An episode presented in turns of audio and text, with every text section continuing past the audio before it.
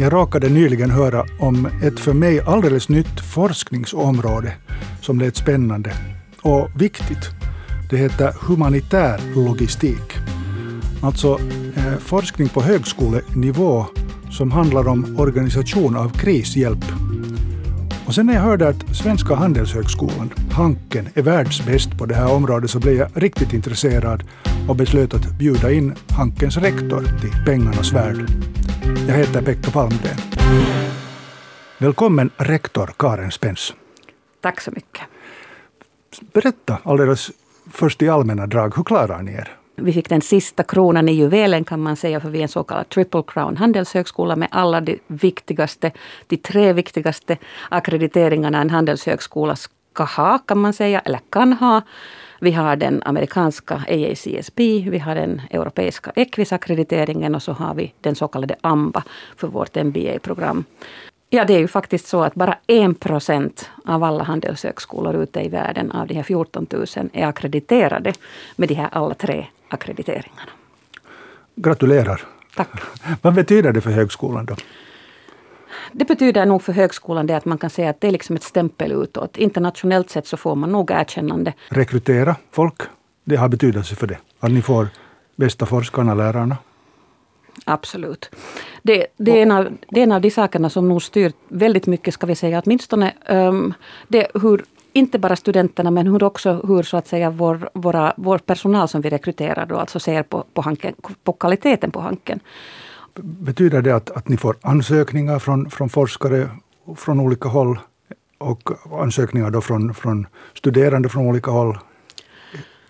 Man, man, kan, man kan gott säga att Hanken har varit, länge så har vi varit kanske en av de mest internationella högskolorna i Finland just med tanke på att vi har satsat på internationaliseringen och speciellt den här europeiska akkrediteringen som vi har Equis, så tittar precis på internationaliseringen och hur stor andel internationella studerande vi har och hur stor andel internationell personal vi har. Men hur stor är andel, andelen? No, för tillfället så ser vi ju att det, där, det beror lite på förstås på, på, på vilken nivå du tittar på. Uh, ser vi, om vi börjar med att titta på personalen så, så de senaste siffrorna tyder på att vi har ungefär 32 procent faktiskt internationell personal. Vilket är i, i finländska sammanhang så kan vi konstatera att det är en ganska stor andel. Och sen ser vi på vår kandidatnivå igen så är vi ju inte speciellt internationella. För där ska vi komma ihåg att Hanken har det nationella uppdraget att utexaminera och utbilda ekonomer på svenska. Och då ser vi att vår uppdrag där går hand i hand med att vår kandidatexamen främst går på svenska. Det betyder ju inte att vi inte har kurser på engelska. Ja.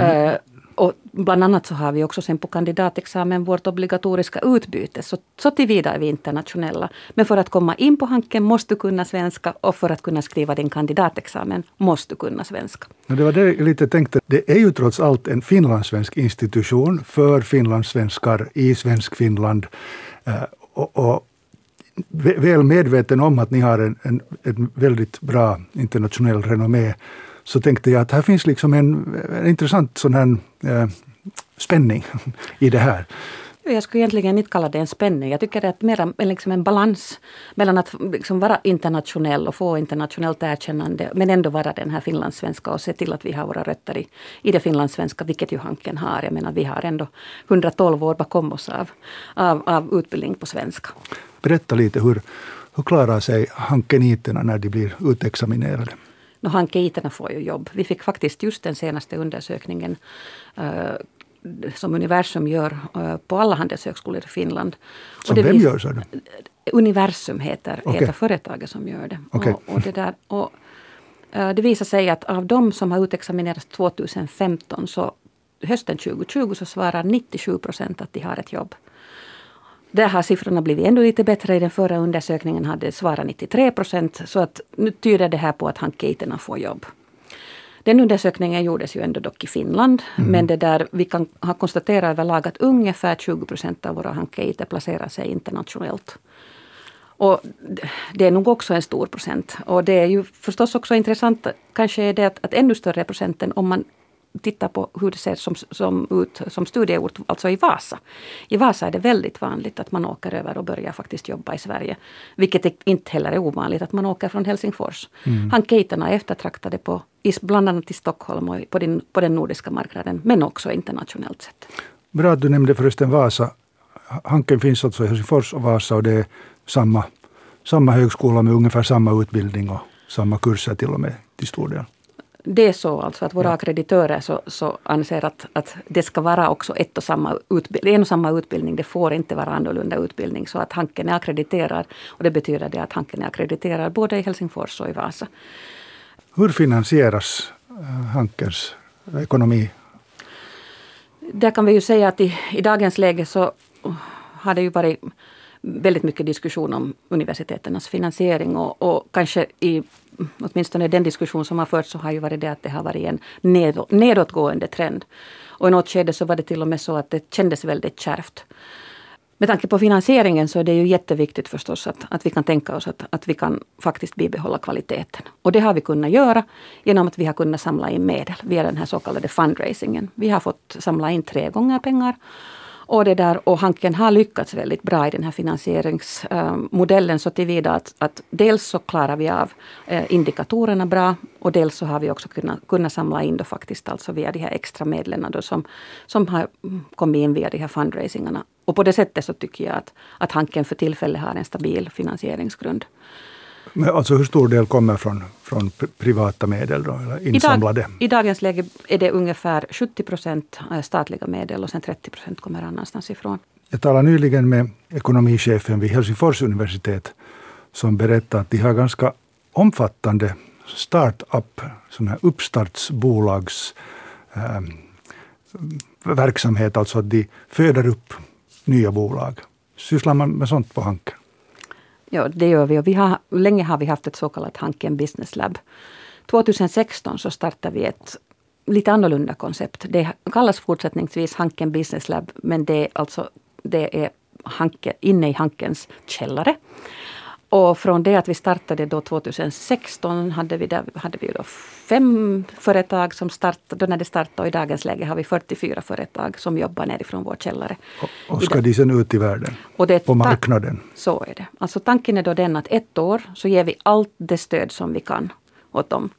Vi hjälper dem på traven eh, och tanken är den också att det är inte bara det, det det ska vara en inkubator med tanke på att du ska få jobba där och fundera på att, att hur så att säga liksom vill jag starta företag. Men egentligen de företagen som vi satsar mm, ännu kanske mera på är det här att vi tänker oss att det ska finnas någon form av scale-up. Det vill säga att vi hjälper dem på riktigt att flyga ut ur boet. Och där har vi sagt att vi hjälper dem under ett år. Det vill säga då får de under det ena året så får de allt det stöd de kan och, och det där, alla de kontakter de behöver och så vidare. Och sen efter det så är det meningen att de ska kunna flyga ut ur boet. Och är Hanken då delägare i bolaget och, och också för, kammar in på försäljningen? Nej, Hanken är inte delaktig. Mm. Varför inte? Vi bestämde oss från början att, att, det där, att vi ser det här som en, som, en, liksom, som en tjänst. Det vill säga det här är inte någonting som vi vill eventuellt uh, ge oss in på. Det finns alltid förstås också risker. Vi, vi ska komma ihåg att nio av, nio av tio startupbolag så klarar sig kanske inte i framtiden. Uh, men det var kanske inte den största orsaken utan, utan helt enkelt att vi har nog sett det här som nu att det här är vårt sätt att stödja våra studerande och också alumner i sitt vidare arbete. Att det, är inte, det är inte Hankens sak nu att se till att vi är delägare i det här utan det har faktiskt varit då, det har faktiskt varit då studerande alumnerna som, som är helt helt självägna så att säga. Vi sitter alltså här i pengarnas värld och diskuterar med Karen Spens som är rektor för Svenska Handelshögskolan, Hanken. Karen, du har själv en, ett forskningsämne som, som är väldigt ovanligt. Ovanligt alltså på, på högskolenivå. Berätta lite. Ja, um, det var 2006 två år efter tsunamin i Asien så mm, hade jag en doktorand som jag jobbade väldigt mycket tillsammans med. Hon råkade komma in, i min, in, i min, in på mitt rum och så frågade hon mig att Karin, att vad ska vi skriva om till nästa konferens? Och jag svarade henne att ja, visst vet du, vi ska skriva om någonting som vi absolut inte vet någonting om. Och så tittade hon på mig och sa hon, vet du någonting om humanitär logistik? Och jag sa att jag har inte en aning. Vad är det? Och så sa hon, hon vet nog inte heller. Och så konstaterade vi att det ska vi skriva om. Och det gjorde vi. Och det var ju väldigt lämpligt förstås för att i den situationen då, 2006, så fanns det alltså, vi hittade fem akademiska artiklar skrivna på området. Det fanns nog visserligen, ska vi säga, litteratur men den fanns utspridd på andra, andra journaler och, och kanske mera praktikerorienterad. Direkta akademiska journaler fanns det inte som hade tagit in artiklar på, på temaområdet.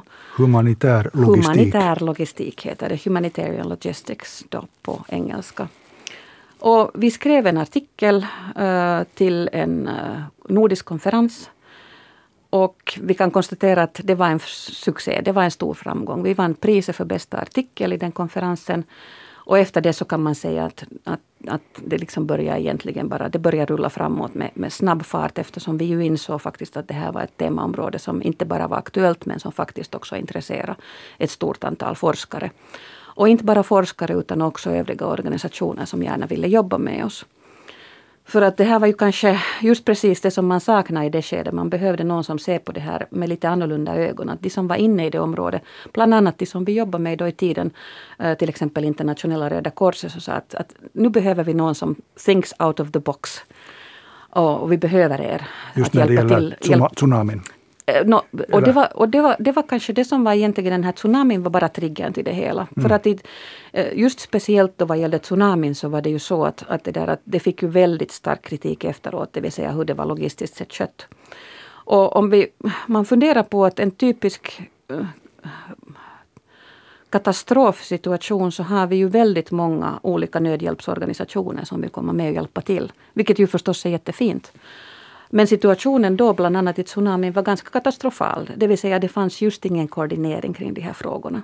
Och det betydde det helt enkelt att vi hade till exempel flera nödhjälpsorganisationer, vilket vi nu förstås kanske inte i dagens läge ännu heller kommer riktigt ifrån, för de har olika uppfattningar om att, att vad det är man ska stödja och vad man vill hjälpa till med. Men de största nödhjälpsorganisationerna i alla fall så koordinerar i dagens läge bättre den här situationen. Det vill säga, det kommer inte tio personer efter varandra och frågar att vad är det du behöver, utan man koordinerar det och, och, och ser till att det som behövs, så det får man. Och det kommer från, från, från uh, olika organisationer, men det är mer koordinerat. Så att det, det kanske var en av de där riktigt stora frågorna som vi startade med. Så att det som vi hade faktiskt som uppgift när vi bestämde oss att vi ska börja forska i det här så var absolut just koordineringen mellan olika nödhjälpsorganisationer. Där såg man att man behöver verkligen mycket hjälp. Ge, ge en eh, definition nu på humanitär logistik eh, som läroämne och forskningsämne. Logistik överlag kan man ju säga att egentligen betyder det att du ser till att du helt enkelt får, var, får varor och tjänster från ursprungskällan till till exempel till den som behöver det, till exempel konsumenten som du då är i dagens läge. I humanitär logistik så har vi frågan om att de varorna och tjänsterna kommer från ursprungsstället till den, den som behöver nödhjälp. Det vill säga egentligen är det inte så väldigt stor skillnad utan frågan är bara om den att, att vem, vem är egentligen den, den sista personen eller den sista uh, som, den sista verkligen som, som behöver de här varorna och tjänsterna. Så att, um, och, och, allt som händer däremellan så egentligen har, har då att göra med logistik helt enkelt.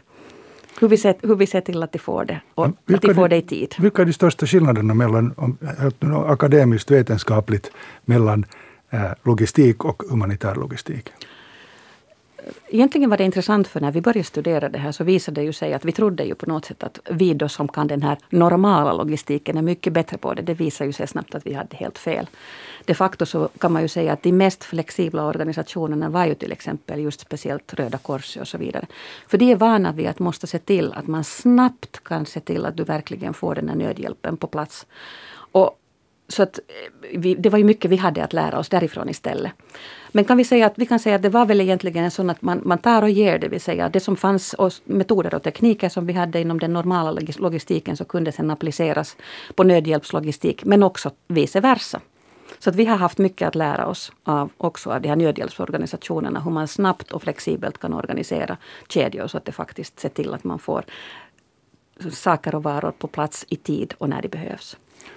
Det råkar sig så att i förrgår fick jag höra om en ung amerikansk man som kom till Helsingfors bara för att kunna studera humanitär logistik för att Hanken hör till de få högskolorna i världen där man kan göra det. Och han hade dessutom något, ett, ett land i, i Afrika som han, alltså han hade fokus på. Han, han, han visste att han ska dit men han behövde eh, utbildning eh, för att för att kunna genomföra den hjälp som han, han liksom tänker sig. Det var ganska intressant tänkte jag med tanke på att jag skulle träffa dig eh, två dagar senare. Just det, det, var trev, ja, det var jättetrevligt att höra. Jo, det, det, är faktiskt så att Hanken har ju blivit världsledande kan vi egentligen säga på den här fronten. Att från det att vi startade då för dryga, ja det blir, snart blir det 15 år sedan, 2006. Så, så det där så att i dagens läge har vi ett av de största uh, instituten faktiskt på området. Vi utbildar också, vi har en, en magister i humanitär logistik. Det finns andra magistrar också, men ska vi säga att våra forskare är nog världskända i dagens läge. Och vi har faktiskt världens första professor i humanitär logistik på Hanken. Och hur ser det ut sen i praktiken när dessa studerande utexamineras? åker de ut i världen och jobbar med de här frågorna? De åker nog ut i världen. Där ja. kan vi säga också att när vi talar om det här med internationella studenter så är det ju nog väldigt, väldigt beroende på förstås vilket ämne man väljer på Hanken. Att var, var vi ser den här största procenten av internationella studenter. Och humanitär logistik har nog varit en av dem som attraherar väldigt mycket internationella studenter. Både på magisternivån och sen också på doktorandnivån.